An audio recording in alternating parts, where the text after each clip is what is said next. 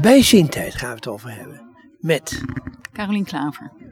uh, Carolien. Jij, jij uh, hebt onderzoek gedaan over bijziendheid. En waar wij eigenlijk in geïnteresseerd zijn, van heeft bijziendheid ook effecten op uh, slechtziendheid?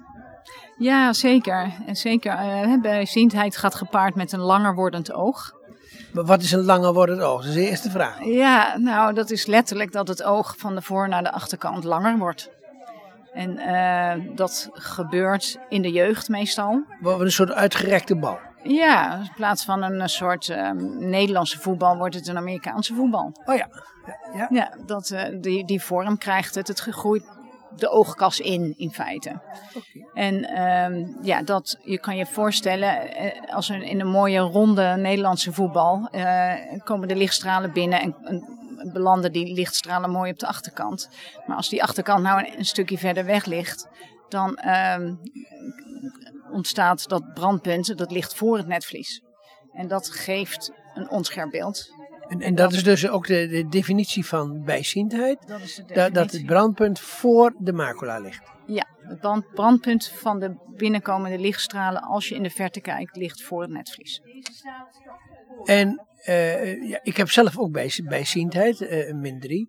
Maar uh, tot hoever heeft dat invloed op slechtziendheid? Krijgen mensen met een bepaalde mate van bijziendheid ook, worden die ook slechtziend. Ja, dus die, die kans uh, op problemen met het oog is al bij, ook al bij een milde bijziendheid. Maar die neemt vele malen toe als je een brilsterkte hebt van min 6 of meer. En dan is de, de oogaslengte is 3 mm meer dan, uh, dan een, iemand die geen bril nodig heeft. Het zijn heel, maar afstanden die maar heel klein ja, zijn. Hè? Ja, maar voor een oog, hè, wat uh, nog geen 2,5 centimeter uh, in, in doorsnee is, is dat al heel veel. En het verandert heel veel aan de optiek. Maar het verandert ook veel aan hoe dik het netvlies is aan de achterkant.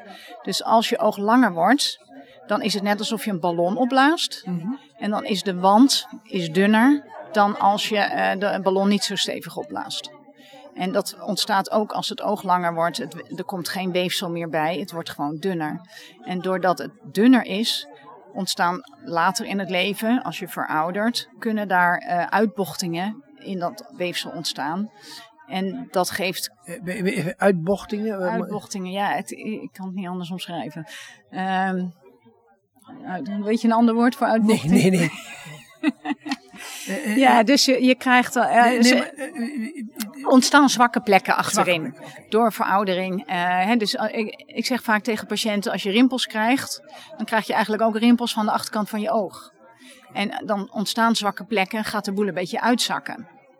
En die, die, die plekken waar het uitzakt, ja, daar, daar, met dat netvlies moet je nog wel kijken.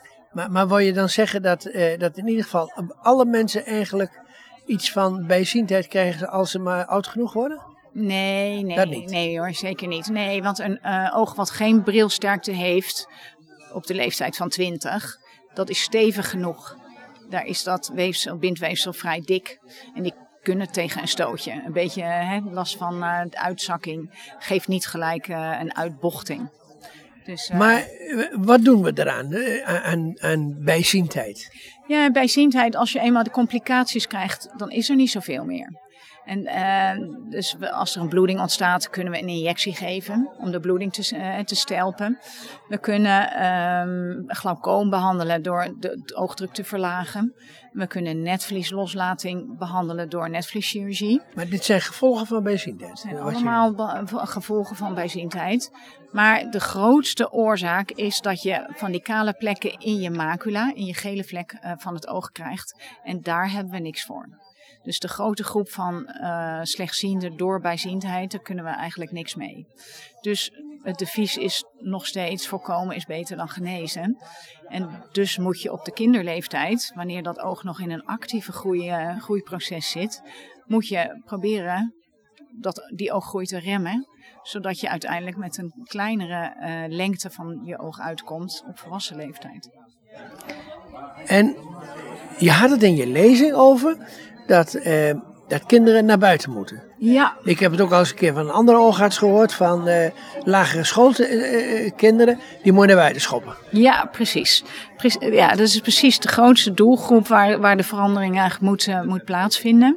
Je oog groeit het hardste tussen je zes en je twaalfde jaar. En we weten dat kinderen die veel buiten zijn, daar groeit het oog minder snel van dan eh, als je heel veel binnen zit. En eh, dat heeft te maken, als buiten hebben we veel meer lux. Dus als je binnen zit heb je 500 lux. Als je buiten bent is het 15.000 lux. En eh, zoveel licht in je oog, dat maakt een stofje vrij in je netvlies. Dat stofje heet dopamine. En dopamine remt de groei van het oog. Dus als je buiten bent, ga je als het ware je medicijn halen voor de bijziendheid. Oké, het is dus niet alleen maar eh, eh, dat je voorkomt dat er voortdurend ge- geaccommodeerd moet worden met, met het oog. Maar eh, eh, ook de, de lichtsterk is ook van belang. Ja, dus eh, veel licht in het oog, eh, dat vertraagt de groei. Ehm, het heeft natuurlijk ook een beetje te maken met waar je naar zit te kijken en hoe dichtbij dat voorwerp staat. Dus als je heel veel eh, naar voorwerpen dichtbij kijkt, hè, zoals met lezen of met smartphone gebruik, ehm, dan verandert er iets aan de eh, projectie van lichtstralen in het, op het netvlies. En als je heel dichtbij zit, zeker onder de 30 eh, centimeter, dan gaat dat een trigger geven in het oog om te groeien.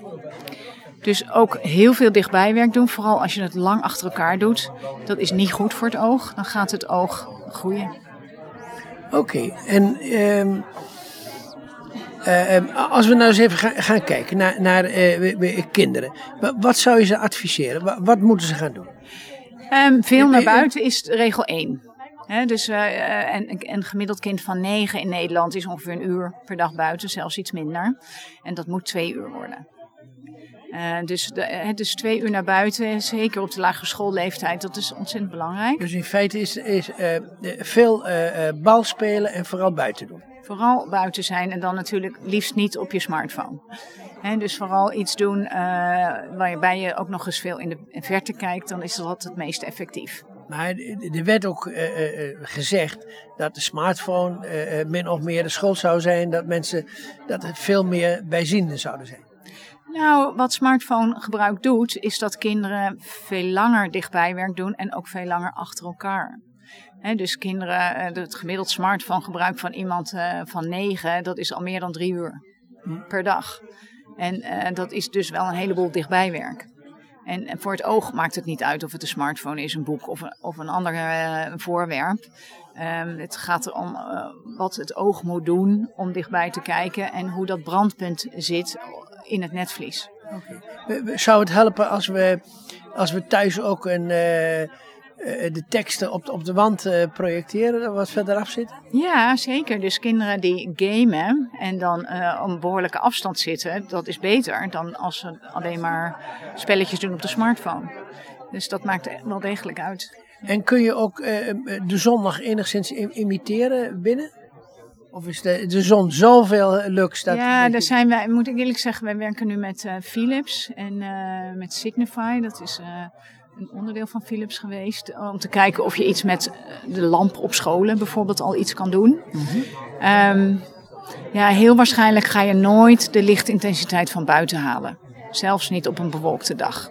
Om 15.000 lux binnen te krijgen, ja, dat, dat is nog niemand gelukt. En uh, dus er wordt wel aan gewerkt. Meer licht zal zeker helpen. Maar of het net zo protectief en dat zo beschermend is als buitenlicht, dat denk ik niet. Dan hadden de oude filosofen toch gelijk. Die gingen namelijk in de buitenlucht lesgeven. Ja, dat, eh, de, de, gezonde school heeft al, laat maar zeggen, biologielessen buiten uh, op haar programma staan. Oké, okay. je hebt onderzoek gedaan naar uh, allerhand effecten. Uh, kun je daar iets over vertellen? Ja, dus um, ik doe veel genetisch onderzoek. Dus we kijken in het DNA van mensen, mensen die bijziend zijn of die andere, uh, een ander soort DNA hebben dan de mensen die geen bril nodig hebben. En daar hebben we wel al genetische factoren voor gevonden. En voor bijziendheid zijn dat er een heleboel. We hebben er nu al 500 gevonden. En we zien dat de mensen die hoog... Dus moet je echt door het bos heen lopen? Echt door het bos heen lopen is veel meer dan bijvoorbeeld andere ziektes hoor. Bij makelaardegeneratie hebben we maar 34 genen. Dus dat maakt heel erg veel uit. Ehm, en we zien dat er niet één gen heel erg belangrijk is per se. Dus het is voor de meeste hoogbijzienden is het het optelsommetje van alle genen die ze meegekregen hebben. En als je veel van die bijziendheidsgenen gekregen hebt, dan kom je met een hogere bijziendheid uit de strijd dan als je daar minder van gekregen hebt. En, uh, dus... maar, maar hoe krijg je minder? Ja, dat, ja, dat, ja. we kunnen moeilijk uh, hoogbijziende ouders, uh, nou maar zeggen, allerlei prenatale diagnostiek nee, maar, het is wel zo dat als, als twee ouders bijziend zijn, heb je grote kans. Ja. Want, want je ziet ook echt families die ja. bijziend zijn. Zeker, zeker. Dus vooral de hoge bijziendheid, de, dat is uh, vrij erfelijk bepaald. Want dan weet je al dat je heel veel van die genen hebt. Dus hoogbijziende ouders krijgen heel vaak hoogbijziende kinderen. Um, nou is er natuurlijk ook altijd een beetje wat brengt de ouder, andere ouder in. Mm en het is wel een beetje een soort gemiddelde, vaak. dus uh, twee ouders met min 3 krijgen heel vaak, in ieder geval een van de kinderen die hoogbijziend is. He, meer dan min 6 is. En uh, ja, zo, uh, zo moet je het zien. Sommige genen, bij sommige hoogbijzienden, hebben een groot effect. We weten bijvoorbeeld dat Marfan, dus een uh, genetische afwijking in het fibuline-gen, die worden altijd hoogbijziend. Wil je even iets uitleggen? Ja, dus uh, Marfan is een ziekte van het bindweefsel. Oké. En dat zijn uh, mensen die ook iets aan het bindweefsel van hun aorta hebben bijvoorbeeld. Mm -hmm. Die afwijking aan het hart kunnen hebben. Maar die, die groep patiënten die zijn bijna altijd hoogbijziend. En dat komt echt doordat hun genetisch defect in het bindweefsel van het oog. En dus eh, een, een deel van de hoogbijziende patiënten heeft zo'n genetische afwijking. Maar de reden waarom we in Nederland toenemend hoogbijziend zijn, dat komt natuurlijk niet door die syndromen die we nou plotseling allemaal meer krijgen. Dat komt gewoon door die lifestyle die anders aan het worden is, waarbij we dus meer mensen hebben die min 6 of meer gaan worden. En nu, twee ouders zijn beide bijziend kunnen ze er nog aan doen om het een klein beetje te voorkomen bij uw kinderen? Ja, zeker. En dat is eh, heel belangrijk. We zien dat genen en omgeving een wisselwerking hebben. Uh, dus als je een genetisch uh, profiel hebt, hè, dus twee genetische ouders, genet genetische factoren voor bijziendheid, dan moet dat kind eigenlijk extra veel naar buiten. En proberen dat dichtbijwerk extra veel te onderbreken. En we zien dat, uh, dat je daarmee een stuk van het genetische risico naar beneden kan brengen. Dus het is, leefstijl is voor iedereen belangrijk, maar vooral voor kinderen van bijziende ouders. Dus uh, bijzienden, ja, met je kinderen naar buiten. Ja. Want... En, en wordt het ook nog ehm, uh, het, heeft te maken dus met het groter worden of langer worden van het oog. En, uh, en wordt dat ook nog vertraagd als je veel naar buiten gaat? Ja, zeker. Dus wij zien uit studies uit Azië, waarbij ze op scholen hebben ze uh, een groep kinderen 40 minuten extra naar buiten gebracht. En, en de andere kinderen mochten doen wat ze willen, wat ze wilden. En dat was meestal achter een computer zitten in het klaslokaal. En die kinderen hebben ze vergeleken. En een aantal van die kinderen die was nog niet bijziend. En een aantal van die kinderen was al bijziend voordat het experiment begon. En ze zagen dat zowel uh, het voorkomen van bijziendheid beter was als die kinderen meer naar buiten gingen. Maar ook dat de bijzienden uh, langzamer uh, progressie hadden, dus langzamer groeiden. Dus naar buiten zijn helpt voor iedereen. Het is eigenlijk één groot pleidooi voor een uh, leraar gymnastiek op de basisschool. Hè? Die dan wel naar buiten gaan. Ja, die dan wel naar buiten spelen. Hè? Ja, en ik, ik zie, uh, ja, bedoel, mijn kinderen zijn net van de uh, lagere school af. Maar ze hadden een continu rooster.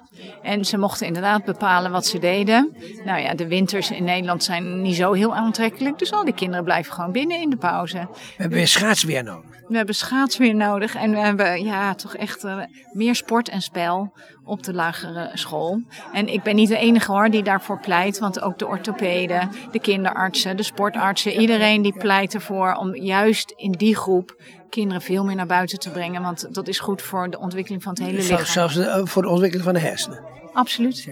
Dat uh, nou, ga nog even terug naar. Uh, want als je bijzien bent, krijg je een bril. Als je bijziend bent, krijg je een bril. Ja, en wat doet die bril eh, met, die, met deze aandoening? Ja, dus een, eh, in, voor bijziendheid is dat een minglas. En wat je met een minglas eh voor zorgt, is dat het brandpunt een beetje naar achteren gebracht wordt. En dat is natuurlijk handig, want bij die bijziende was het brandpunt juist voor het netvlies. Nou, dan zie je dus onscherp. En als je het brandpunt weer netjes op het netvlies brengt, ja, dan ziet, eh, zie je met de bril dus weer scherp.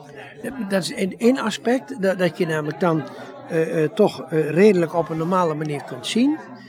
Maar heeft het ook nog effect op het groter worden van het oog? Ja, dus we, een tijdje werd er gedacht, als je kinderen geen bril gaf en ze dus de hele tijd maar dat brandpunt voor het netvlies liet houden, zou het oog stoppen met groeien. Dat zien we soms in dierexperimenteel onderzoek. Dus dat was een tijdje in, experimentele fase onderzocht. Maar het bleek dat die kinderen juist harder groeiden.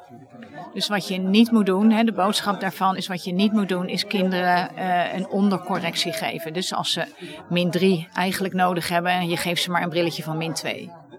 Dat is niet handig, want dan gaat het oog nog langer. eh Oké, nog dat is een goede boodschap. Mag ik je hartelijk danken voor dit. Nou, graag gedaan.